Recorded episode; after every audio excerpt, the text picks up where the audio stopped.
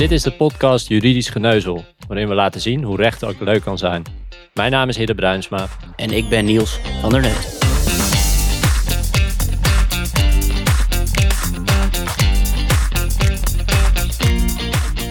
Welkom bij de laatste aflevering van Juridisch Geneuzel in 2021. Hopelijk heeft uh, iedereen een uh, fijne kerst gehad, ondanks alle maatregelen. En in deze aflevering blikken we terug op 2021 en kijken we een beetje vooruit naar 2022. En 2021 was het eerste volledige coronajaar in Nederland, maar ook het eerste volledige jaar van juridisch geneuzel. En uh, hopelijk hebben we zo nu en dan een glimlach op je gezicht weten te toveren. Dus laten we maar meteen beginnen. Want wat is voor jou het rare verhaal van 2021? Ja, de laatste aflevering van het jaar. En ja, er zijn best wel wat spraakmakende zaken geweest. En als ik er één moet kiezen, dan kies ik voor de zaak. En uh, die speelde zich af bij een crematorium Jarden in Heerlen. En bij een crematorium werkt zoals volgt. Er komt een kist binnen, daarin zit een overledene en op die kist staat een nummer. Nou, dat nummer moet een medewerker controleren met het aanvraagformulier. Een tweede medewerker controleert dat nogmaals en ze zetten allebei een handtekening onder een controleformulier. Nou, in de koeling vraagt een medewerkster aan medewerker 1, om het even te noemen, hey, die had toch al gecremeerd moeten zijn? Wie is er dan vanochtend gecremeerd? Nou, wat bleek? Ze hebben in de ochtend de verkeerde persoon gecremeerd. Nou, medewerker 1, de overnist, uh, heeft het werk alleen gedaan, dus zonder dat een tweede medewerker dit heeft gecontroleerd. En Jarden twijfelde geen moment en heeft deze medewerker op staande voet ontslagen, omdat de protocollen niet zijn gevolgd. En ja, dit is juist de kerntaak van een overnist. Nou, in kort geding is Jarden gelijk gesteld door de rechter. En ja, voor mij is dit, dit, treurige, uh, dit treurige zaakje ja, toch wel het rare arbeidsrechtelijke verhaal van uh, 2021. Ik, ik, moest me lachen wel een beetje inhouden terwijl je aan het praten was. Maar, maar hoe heeft de familie hierop gereageerd? Ja, het is heel zielig ook als je die reactie leest. Hè, van, uh, we, we, hebben nog niet eens afscheid van hem uh, kunnen nemen. Het, het is, uh, ja, het is, het is, het is wel erg, ja. ja. Ik mag hier eigenlijk niet om lachen, maar dat is wel een hele, bizarre zaak. Um, hey, en als we dan gaan terugblikken naar 2021, dan kunnen we natuurlijk niet om corona heen. En ik denk dat iedereen met ons corona moe is. Maar corona is natuurlijk wel een van de onderwerpen die ook arbeidsrechtelijk veel aandacht heeft gekregen. En als je nou terugkijkt naar het afgelopen jaar, wat, wat viel jou dan op op coronagebied? In combinatie met arbeidsrecht. Ja, dat is, dat is, ja, de crisis is natuurlijk gewoon absoluut een van de onderwerpen waar we simpelweg niet om, uh, omheen kunnen. Het heeft ook veel geleid tot, tot uh, geschillen tussen werkgevers en werknemers. Ik heb denk ik nog nooit zo duidelijk een tweedeling gezien op de werkvloer. Er zijn natuurlijk wel vaker botsingen uh, en tweedelingen, zoals tussen verschillende godsdiensten. Maar dit betreft bijna iedere werkvloer met aan de ene kant de wappies en aan de andere kant de schapen. En de geschillen die zich onder andere hebben voorgedaan rondom corona zien, uh, vooral op het laten testen van corona en het nemen van veiligheidsmaatregelen door de werkgever, zoals het dragen van een mondkapje tijdens werk. Nee, en het lijkt me wel leuk. We hebben natuurlijk best wel wat afleveringen gemaakt in 2021 om wat oude fragmenten uh, terug te laten komen en dan te zien hoe het er nu voor staat. En het eerste fragment is uit uh, januari 2021. En dan zegt Jaap van Sloten, hoogleraar arbeidsrecht aan de UvA en advocaat bij Stibbe, het volgende. Nou, en dan krijg je de vraag, mag de werknemer dat weigeren? Dan heb je in de eerste plaats um, mensen die dat op grond van hun geloof of gezondheid uh, niet doen. En uh, daarvoor geldt dan in beginsel dat die daar nou ja, wel een beroep op kunnen doen. En dan, dan zal de werkgever toch nog wel weer wat extra redenen moeten hebben om dat toch te eisen. Zeker bij lichamelijke beperkingen is dat natuurlijk heel lastig. Um, dat wil niet zeggen dat een werknemer dan een ongevaccineerde werknemer altijd moet toelaten op de werkvloer. Maar dan kom je aan de orde van mag je dan ook een sanctie opleggen als hij zich niet heeft laten vaccineren. En zijn er nou al dit soort zaken geweest waarin werknemers een sanctie hebben gekregen voor het uh, niet laten vaccineren? Nou, wat Jaap van Sloten hier ongeveer een jaar geleden zei, is uh, nog altijd relevant. Laat ik daarmee beginnen. Maar om antwoord te geven op je vraag, nee. Uh, dit soort zaken hebben we niet gezien over het niet laten vaccineren. Maar wel werknemers die gesanctioneerd zijn omdat ze bijvoorbeeld geen mondkapje wilden dragen of zich niet wilden laten testen. Nou, wat je in deze zaken ziet terugkomen is dat uh, andere, minder vergaande maatregelen niet mogelijk waren of niet effectief waren en dat een werkgever een duidelijk beleid moet hebben. Nou, een van de eerste arbeidsrechtelijke coronazaken ging om een taart te bezorgen van een banketbakkerij. Nou, deze banketbakkerij had in de bakkerij zelf een mondkapjesplicht ingevoerd, omdat anderhalve meter daar ja, lastig kon worden nageleefd. En die taartenbezorger die weigerde dit en werd vervolgens door de werkgever geschorst.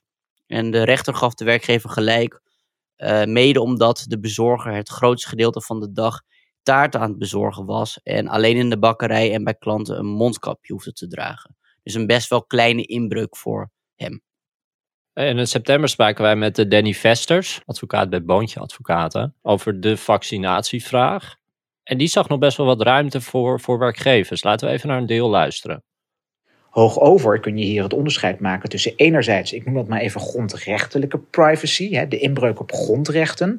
En anderzijds kun je privacy kleuren middels de verwerking van persoonsgegevens. En die verwerking van persoonsgegevens, om daar maar mee te beginnen, die kent zijn eigen speelveld, zijn eigen spelregels, geregeld in de AVG. En het enkel vragen naar een vaccinatiestatus is wat mij betreft geen, ja, dat vormt gewoon geen inbreuk op die AVG. Sterker nog, de AVG is strikt genomen op dit alles niet eens van toepassing. Als je kijkt naar het materiële toepassingsgebied van die AVG, ja, dan zou je eigenlijk kunnen stellen dat een vraagstelling daaronder niet te scharen is. Kortom, die AVG kun je buitenspel zetten. Ook grondrechtelijk zie ik in dit verband niet een probleem rondom het stellen van de vaccinatievraag. Hoe, hoe zit het nu met de QR-codes en zelftesten? Zijn er al zaken over geweest of dit, is het echt wachten tot, uh, tot de politiek uh, hiermee aan de slag gaat? Er is half december, dus uh, vrij recent, een interessante zaak geweest over een werknemer die een zelftest moest doen en de uitslag daarvan moest delen met de werkgever. Nou, de werkgever is een Amsterdams dansgezelschap en alle dansers moeten één keer per week een zelftest doen en de uitslag doorgeven, dus ook de gevaccineerden. Nou, danser weigert en wordt door de werkgever geschorst.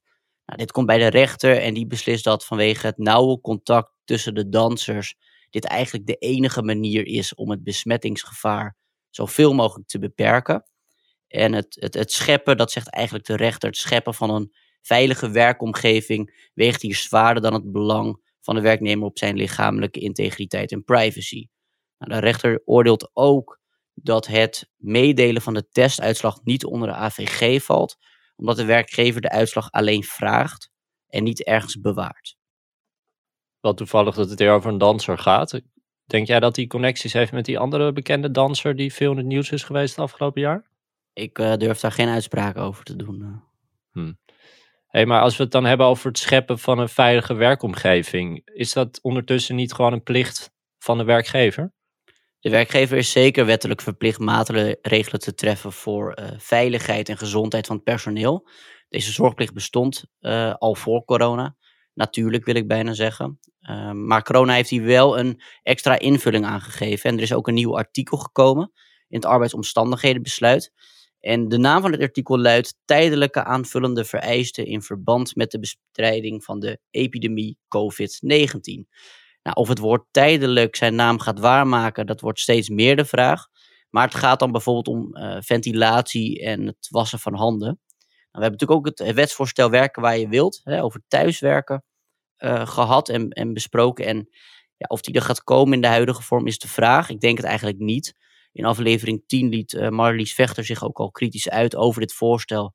En inmiddels heeft ook het adviescollege Toetsing Regeldruk en de Raad van State eigenlijk laten weten dat zij de noodzaak van het voorstel niet zo inzien. Nou, wel is er goed nieuws voor werknemers vanaf uh, 1 januari 2022. Onbelast thuisvergoeding, 2 euro per dag voor bijvoorbeeld koffie en verwarming. 2 euro per dag en dat komt automatisch bij loon? Uh, dan moet het wel uh, afgesproken zijn, maar werkgevers mogen dit onbelast vergoeden, net als eigenlijk reiskosten.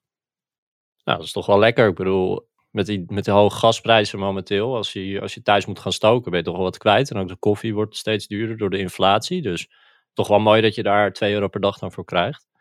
En wie daar vast ook wel blij mee zal zijn, uh, is hoogleraar arbeidsrecht Evert Verhulp.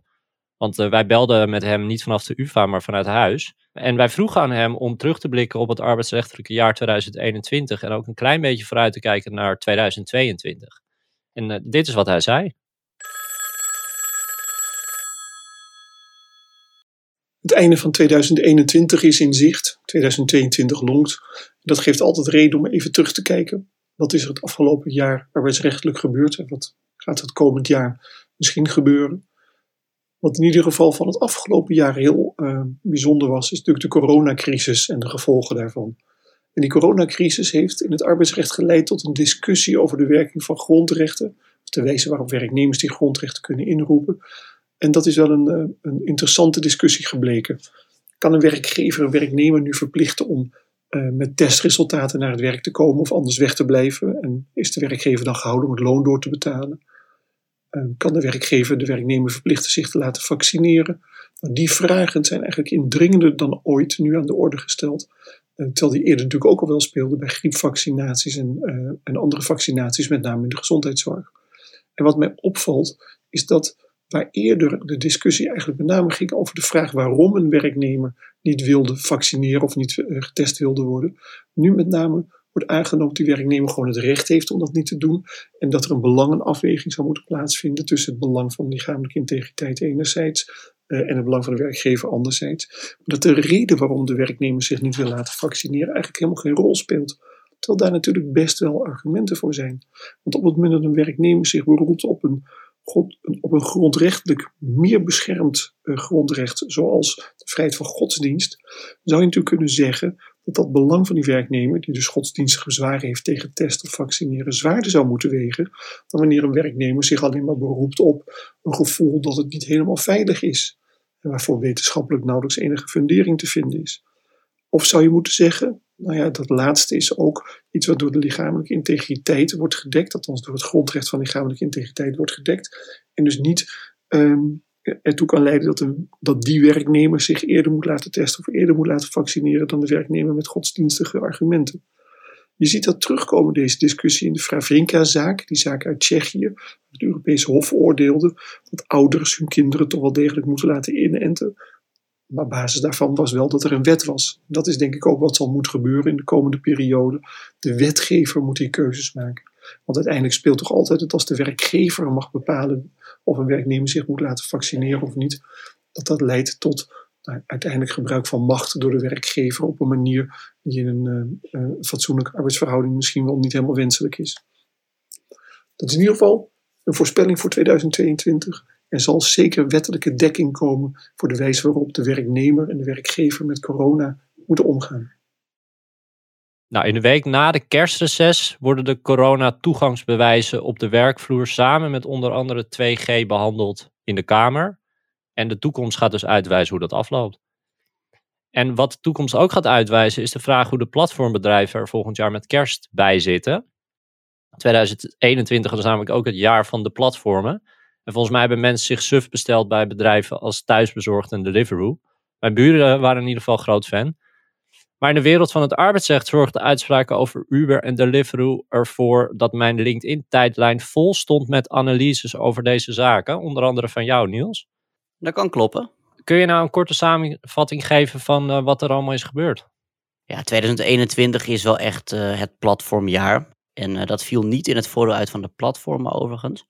Nou, je noemt al Uber en Deliveroo. Ik pak ook even voor het gemak die zaak. We hebben ook Helpling gehad. Dat was een, een uitzendbureau. Of dat uitzendovereenkomst. Maar we beginnen met uh, Deliveroo begin 2021, Hof Amsterdam.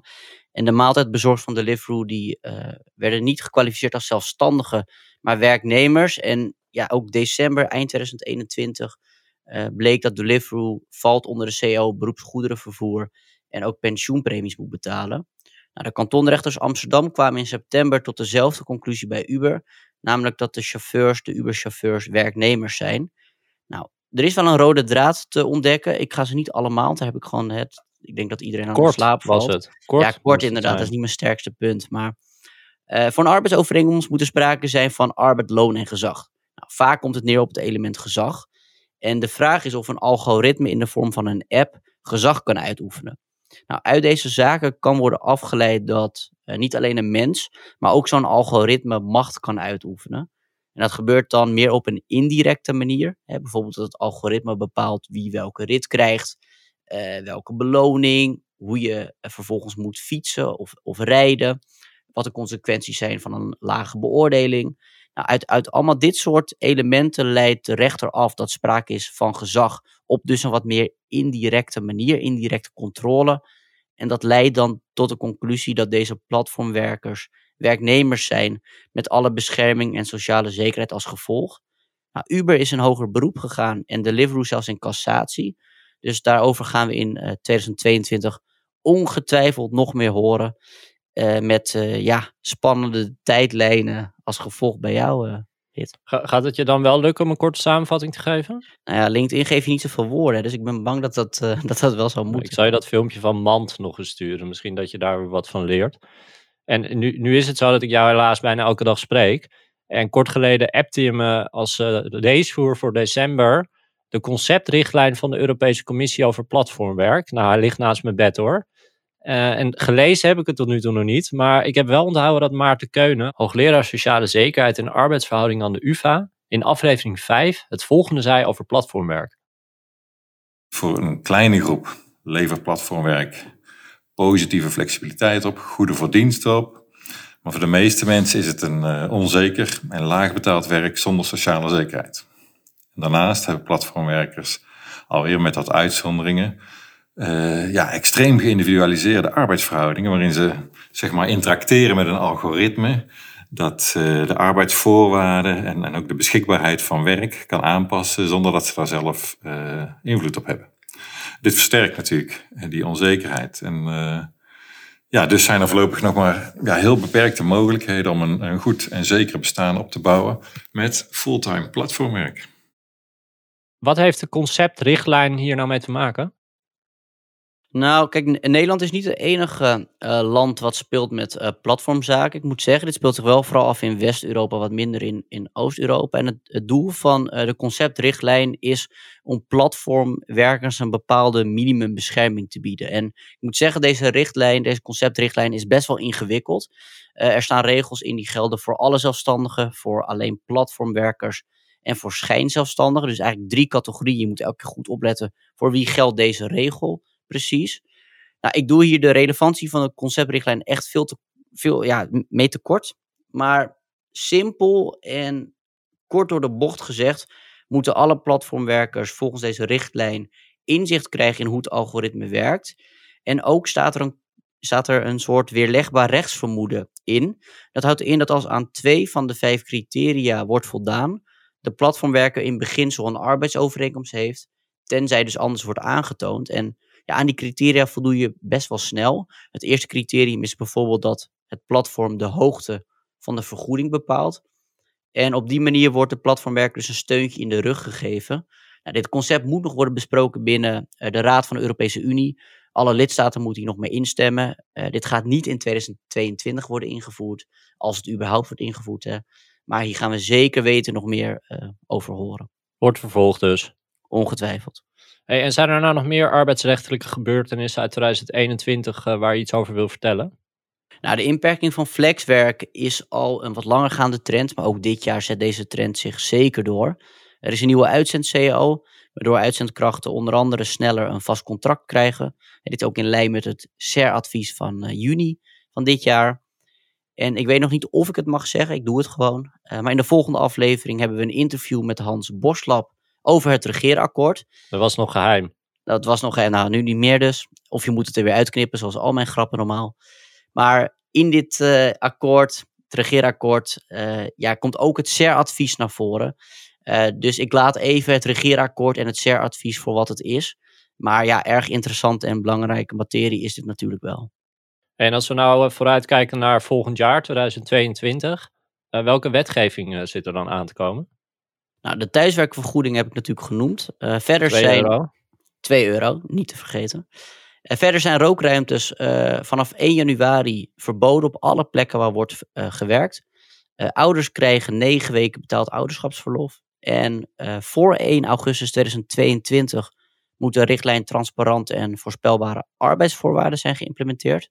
Nou, deze richtlijn ziet op het kosteloos aanbieden van scholing, nevenwerkzaamheden die in beginsel moeten worden toegestaan. En nu is dat vaak verboden in de, in de arbeidsovereenkomst.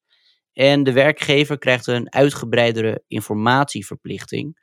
hij heeft het nu al, maar deze gaat ook nog zien op onder andere werk- en rusttijden en het opleidingsbeleid. Nou, dit is natuurlijk niet alles, maar in ieder geval een klein tipje van de sluier van wat we kunnen verwachten. Er waren er überhaupt nog rookruimtes? Er waren nog rookruimtes, zeker. En voordat we afsluiten, heb jij natuurlijk wel weer een tip van de aflevering. Ook bij deze laatste aflevering van 2021. En heb je nou een tip voor de werkgever en werknemer over hoe je het nieuwe jaar het beste kan beginnen? Ja, dan ga ik toch afsluiten met iets waar ik ook mee begonnen ben. En waar we ja, 2021 zelfs mee begonnen zijn en ook 2022 mee gaan beginnen en veel over gaan horen. Uh, corona, ja, niet het meest uh, uh, populaire onderwerp meer, wel qua wat we horen, maar niet qua interessegebied. We, willen er allemaal vanaf. Maar wat het wel heeft laten zien is, er is een hernieuwde aandacht voor grondrechten. En dat is alleen maar goed. Grondrechten zijn een groot goed en moeten we niet zomaar overboord gooien. In de kern gaat het ja, gewoon over de vraag, waar houdt de vrijheid van het individu op? En gaat het over in solidariteit? En aan de ene kant is er angst dat je privacy wordt geschonden en een inbreuk wordt gemaakt op je lichamelijke integriteit. Aan de andere kant heb je de mensen die bang zijn voor hun gezondheid. En wat je ook doet, er worden altijd mensen geraakt, ongeacht de keuze. En ik zit nog een beetje in de kerstsferen en ik wil met frisse zin 2022 beginnen. En mijn tip is voor iedereen die werkt, en misschien zelfs wel breder dan dat, ga nou niet zozeer in discussie met elkaar over wat wel en niet mag, over wel of niet laten vaccineren, maar zoek naar oplossingen, waardoor zoveel mogelijk mensen zich veilig en op hun gemak voelen. Ook als jou dat eventjes iets minder goed uitkomt.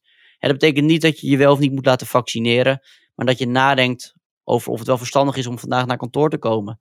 Dat je kijkt met wie je werkt, of diegene het liever wat meer afstand houdt dan jij. Dat je van tevoren misschien met een collega dit soort zaken bespreekt en rekening houdt met de wensen van de ander, want ik denk dat dat pas echt solidariteit is. Nou, ik pink even een traantje weg bij deze mooie kerstboodschap. En daarmee komen we tot het einde van deze laatste aflevering van 2021. Ik wil graag uh, Evert Verhulp bedanken voor het inbellen. En alle andere inbellers ook bedankt voor het inbellen in 2021. Jullie bedankt voor het luisteren. En mocht je nou 10 seconden hebben, laat dan even iets achter op Spotify. Daar is net een nieuwe functie toegevoegd waarbij je sterretjes kan geven aan podcasts. Voor iedereen graag een fijne lockdown-jaarwisseling. En hopelijk tot in 2022, waar we dus aftrappen met een interview met Hans Borschap. Tot dan!